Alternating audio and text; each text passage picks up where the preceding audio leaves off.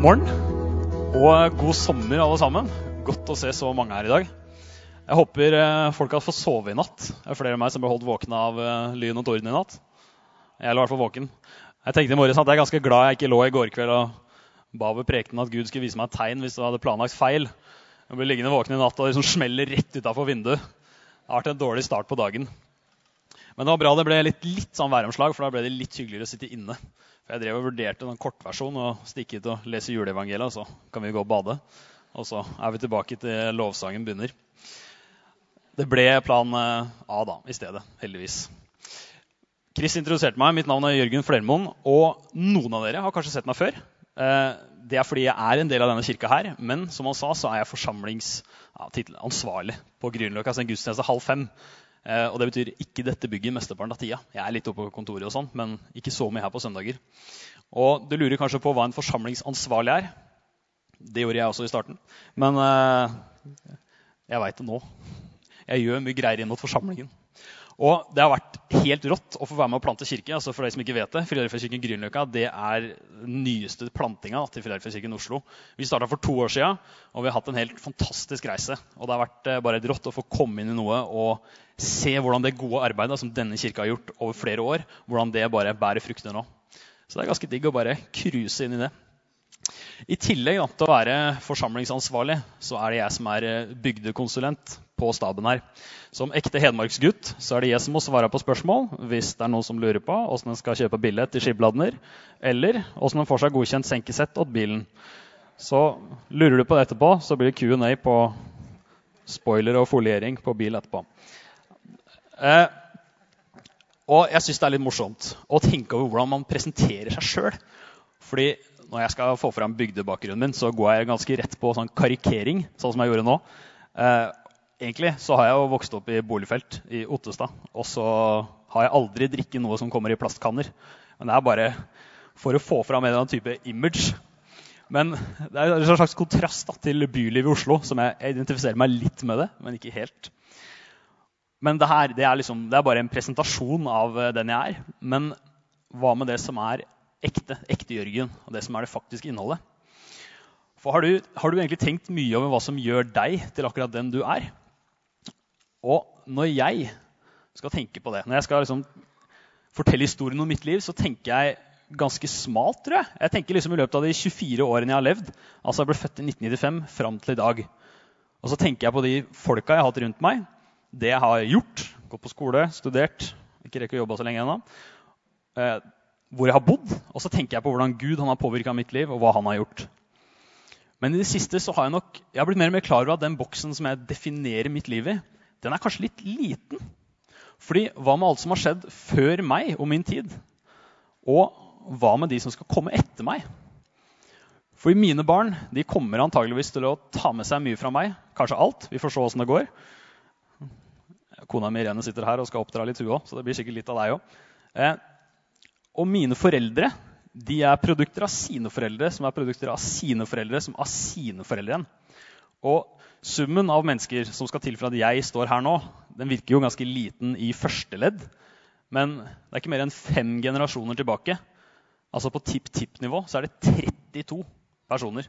Det er 32 mennesker som måtte komme sammen på rett tidspunkt for at jeg skal ha sjanse til å stå akkurat her nå. Det er ganske sjukt. Disse folka de, de lever jo ikke lenger av åpenbare grunner. Og jeg kan nesten ikke navnet på noen av dem. Bare et par stykker. Men de har faktisk vært like levende som det jeg er, er her i dag. Og de søkte også mening og noe å bygge livet på. Og noe av deres ettermæle det lever sannsynligvis videre i meg. Fordi mine oldeforeldre de lærte mine besteforeldre mye av det de lærte av mine oldeforeldre. Og det høres ut som det er skikkelig skikkelig lenge siden. Men besteforeldrene mine de kjenner jeg jo faktisk. Og det her det er med å prege livet mitt sammen med mange andre ting. Altså Jeg lever fordi Gud han har skapt meg, og han har lagt ned ting i meg som jeg er nødt til å forvalte. Jeg har satt et miljø som jeg har fått lov til å utvikle meg i, og jeg lever med arven etter slekta mi. Og det er jeg veldig takknemlig om. Fordi gjennom arven så har jeg fått det viktigste i mitt liv, som er troen på Jesus Kristus. Og det er det vi skal snakke mye om i dag. Det er arv. Og gjennom disse si, nye tankene da, om hva som preger historien og mitt liv, så har det dukka opp et nytt og ganske interessant spørsmål for meg. Fordi hva er det som gjør, eller Hvordan er det mulig da, at troen til mine forfedre mine forløpere, kunne vare helt frem til meg? En tro som består over flere generasjoner. Altså virker, for meg så virker det litt sjukt at det går an. Spesielt når vi lever i en tid der vi hører om folk som går fra brennende kristne som ungdommer og unge voksne, til ganske sånn lunkne i løpet av eh, et par år i arbeidslivet. Og Det til tross for at vi har ganske mye bedre forutsetninger nå enn vi hadde tidligere for å møte andre kristne, få god input, undervisning og oppsøke kirka. Vi skal komme litt tilbake til det spørsmålet, men vi skal bare se litt mer på greia med slekt. For det er litt artig at slekt er så viktig for oss. Altså eh, Dette her, det er folka som du ikke velger å omgås med. De er der bare. Du får de. Og de kan bo langt unna, ha lite til felles med deg, men likevel så er det en eller annen ildsjel et eller annet sted som drar i gang søskenbarntreff med masse trening på slep på en eller annen seter i familien. Sånn er det i hvert fall hos oss. Gå gjennom sted, og så må vi høre alle navnene på alle stedene på den gamle seterveien som forfedrene våre gikk. da. Så dette er bilder fra Snygrava i Trysil. Viktig med beskrivende navn. Men folk de dukker opp fordi slekt er viktig for oss. Til tross for at vi ikke har, kanskje har så mye til felles, så deler vi noe av det viktigste, nemlig opphavet vårt. Og folk de er opptatt av slekter av den grunn. Og så tror jeg også Gud han er opptatt av slekt. Det er mange her som kanskje har prøvd seg på å hive seg inn i Bibelen og lese litt. Jeg husker fra ungdomstida, og jeg smalt opp Bibelen, og så er det rett på slektstavla.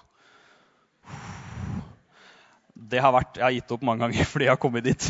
Og det tror jeg kanskje flere har gjort òg. Men det er et eller annet i det. Fordi jeg tror at mange av, mange av, de tidlige profilene vi leser om i Bibelen, de er veldig opptatt av slektslinjer og arv. De var opptatt av at det var ens eget kjøtt og blod som skulle føre arven videre. De stolte på Gud, at han skulle sørge for at etterkommerne hans levde i velsignelsen som Gud gir. De var avhengig av at Gud skulle stå trofast ved sine løfter. Og gjennom slektene så ser vi at Gud han står ved sine løfter. Hele Israel er jo blant annet bygd på et løfte om en stor arv, og en arv som blir gjort mulig ved Guds løfte om velsignelse og nåde. I 1. Mosebok kapittel 15 så står det Da kom Herrens ord til ham. Han skal ikke arve deg, men en av ditt eget kjøtt og blod skal arve deg. Så førte han Abraham ut og sa til ham, Se opp mot himmelen og tell stjernene, om du kan telle dem. Og han sa, Så tallrik skal etten din bli. Abraham trodde Herren, og det ble regnet ham til rettferdighet. Og han sa til ham, 'Jeg er Herren som førte deg ut fra Ur i Kaldea for å gi deg dette landet i arv.' Og Gud han lovet Abraham en stor ett og et godt land å leve i. Og For oss som har lest historien videre, så vet vi at det leverte han jo. Og vi ser linjene i Guds løfter og Guds store trofasthet gjennom generasjonene. Men for meg det var først når jeg begynte å se det i mine egne slekter, at det her virkelig ble levende for meg. Og nå skal du få lov til å bli med på et lite sånn dykk tilbake i tid i min slekt. Og få se et lite glimt av noe som har hatt betydning i mitt liv. Og vi skal til Tufsingdalen for ca. 90 år siden. Og ja, Tufsingdalen ligger i Nord-Østerdalen. Og det er et sted som heter Tufsingdalen, tenker du kanskje. Da gir alt mening når du ser på meg, og jeg er derfra. Eh, det ligger der på kartet. Jeg prøvde å lage et kart. Jeg ser det ikke helt når jeg står herfra. Da er det sikkert vanskelig for flere. Røros er helt på toppen av kartet. Og så ligger Tufsingdalen imellom Narbevoll og Sømådalen. Så da er det plassert. Og i, altså det området her det er det området du hører om på Dagsrevyen når det er kaldere enn 40 minus på vinteren. For det er det ofte. Og på sommeren så er det nesten aldri over 20 grader. Hvis det er det, så er det Lokalnytt. Det skriver i hvert fall om det i Arbeides Rett, som er lokalavisa på Røros. Og der kommer min oldemor og oldefar fra. Ingeborg og Peder Røsten. Og de er foreldrene til min mormor og vi som kommer etter dem, vi er så heldige at oldefar han har skrevet ned noe av historien om deres liv og virke på gården Solvang, som de bygde i Tufsindalen. Og Begge to de var troende mennesker. Og det var tydelig at de stolte på Gud. At han skulle vise dem den rette veien for livet deres og den rette plassen å bo. Og Gud han viste dem grunnen der gården Solvang ble bygd. Og det lå midt i svarteste skauen. Det var karrig jord med mye stein som var krevende å grave i. Oldefar han starta på prosjektet i 1931. Og i 1934, den 22. juni, så fikk han sin Ingeborg. Og han skrev i sine memoarer at deres vigselsord var Salme 91, vers 2. Min tilflukt og min borg, min Gud, som jeg setter min lit til. Og videre skriver han at det var et godt ord til oss to, for vi hadde kun Gud å forlate oss på. Det var bare han som kunne gi oss mot, vilje, helse og pågangsmot til å starte opp med å bygge og rydde oss en gård i svarteste skogen. Årene de gikk, og med Guds velsignelse og enormt mange timer med slit, så fikk de stadig dyrka mer land og tatt inn flere dyr. Somrene de gikk til å utvide mer plass i fjøset og til å dyrke ny mark. Og slåtten for de som har vært med det, tar også enormt med tid. I hvert fall man gjør det på gamlemåten å slå alt med ljå og henge alt opp på herser og ta tørke alt ned.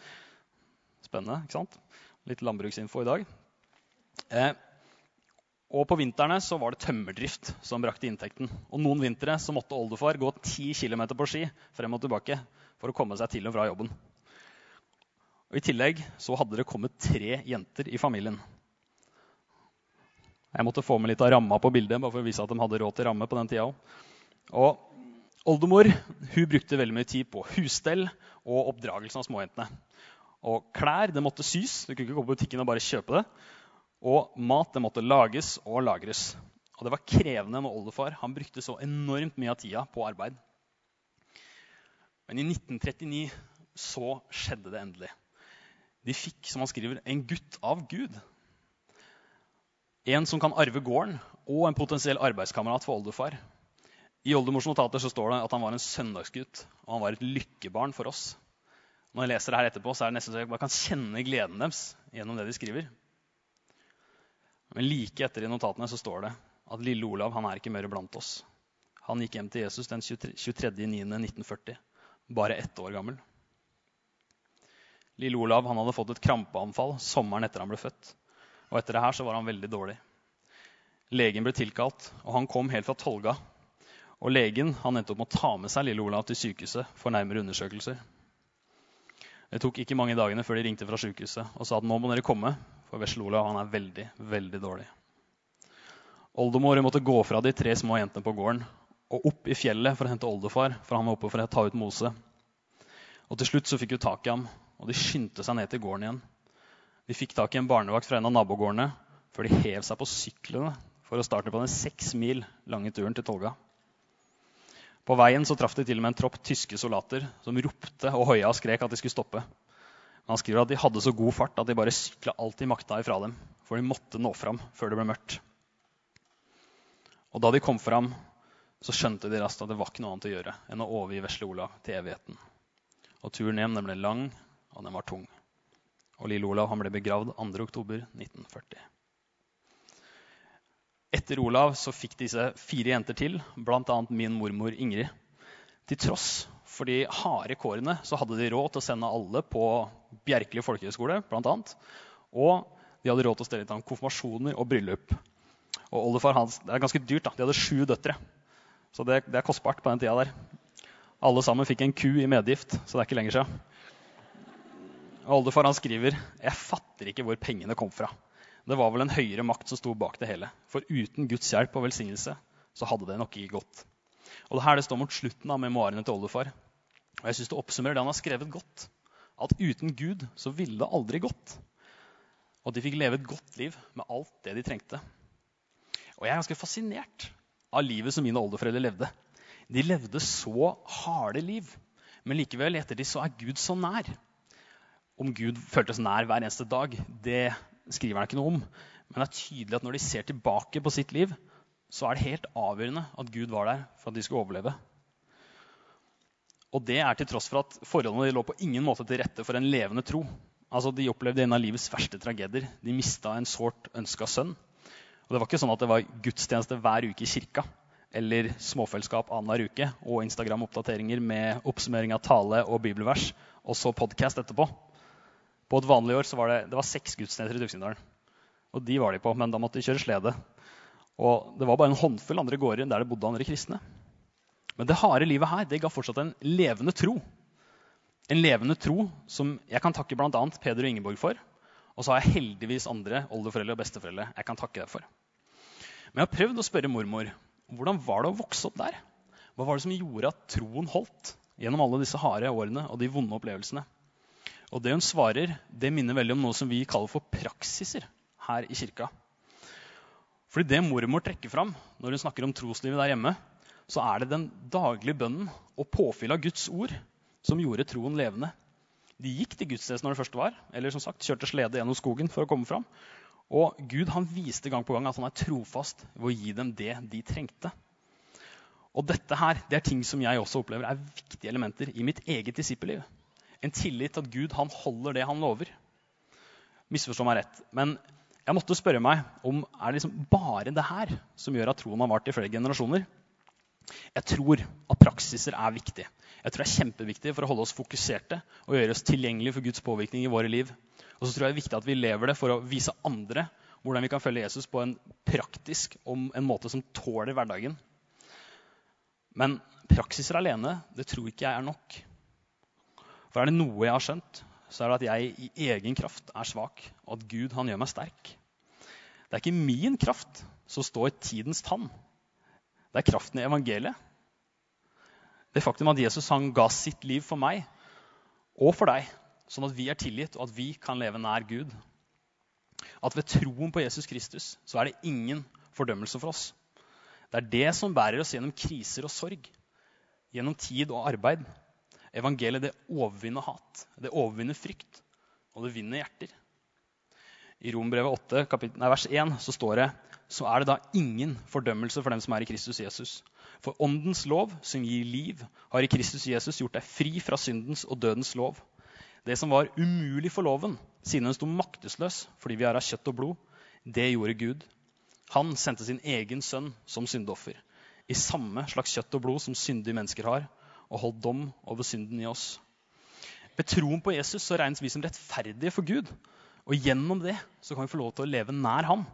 Vi kan få leve i hans innflytelse, i hans løfter og i hans kraft. Det er Gud som består gjennom tidene. Leser du Bibelen, så leser du om israelsfolka, og de vingla jo fram og tilbake som en sånn værhane. Ikke sant? Men det er Gud som var trofast. Og denne kraften her og disse løftene det er ting vi som tror, det kan vi stå støtt på. Og Jesus han har selv sagt at vi skal få se større undre her på jorda enn det han gjorde når han var her. Men han sa ikke nødvendigvis at du skulle få se alt i din levetid. Og det her det åpner opp for et nytt perspektiv. Et perspektiv som involverer det vi om i starten, den boksen der du definerer ditt liv. Altså starter boksen med din fødsel og avslutter når du dør? Eller starter den før du er født og avslutter etter du er død? La meg illustrere med noe kjent. Noe som kan være med å løfte perspektivet på det her i våre hverdager og i våre liv. Et kjent byggverk for alle her, tror jeg, det er Nidarosdomen i Trondheim. Altså, Den kalles for Norges nasjonalhelligdom med god grunn. Den er bygget over Olav den helliges gravsted. Den har vært sentrum for styresett og byutvikling i Trondheim i snart 1000 år. Og for ikke å snakke om ringvirkningene i de nærliggende bygningene og de øvrige bispedømmene i Norge, eller ja, i nærheten. Og I tillegg så har det vært pilegrimsmål nummer én i Nord-Europa. Kirka ble påbegynt i 1070 og gradvis utvikla og påbygd frem til Nidarosdomen sånn som vi kjenner den i dag. Og kanskje Det viktigste bidraget i utviklinga av bygget det var erkebiskop Eistein Erlandsson, som kom tilbake fra et besøk i England. Han var sterkt inspirert av den gotiske stilen i Canterbury-katedralen og han bestemte seg for å gjøre katedralen i Nidaros til den største og mektigste i hele Nord-Europa. Og det her det var i 1183 når han kom tilbake. Og i ca. 1300 da, så antar man at bygget sto ferdig i all sin prakt. Og til tross da, for at den katedralen her har blitt ramma av masse branner, masse uhell, så har Nidarosdomen vært et sted folk har lengta etter å besøke. I snart 1000 år så har folk kommet til Nidarosdomen med sine liv, sine lengsler og håp er ikke sikkert det bare var det her som sto i hodet til erkebiskop Eistein når han bestemte seg for å bygge den sværeste kirka i Nord-Europa. Vi kan definitivt diskutere hvor Jesus-likt er å kreve inn skatter og penger for å bygge svære bygg. Men det jeg syns er interessant med dette her, er hvorfor i huleste gadd disse folka å begynne på et prosjekt som de aldri kom til å se ferdig. Med datidens levealder så ville det jo ikke være snakk om. Det tok over 200 år fra bygningen ble påbegynt til den var ferdig. Og både ledere og arbeidere de ville vært langt unna å få se noe som helst som ligna på noe. Vi må liksom til tipp- og tipp-tippoldebarn før liksom, ok, nå kan vi faktisk begynne å bruke denne kirka. det må kreve noe spesielt og noe enormt visjonært for å sette i gang med et sånt prosjekt. Og sett dette perspektivet inn i vår tid. Hvor mange bygninger starter vi på i dag som ikke blir ferdig i vår levetid?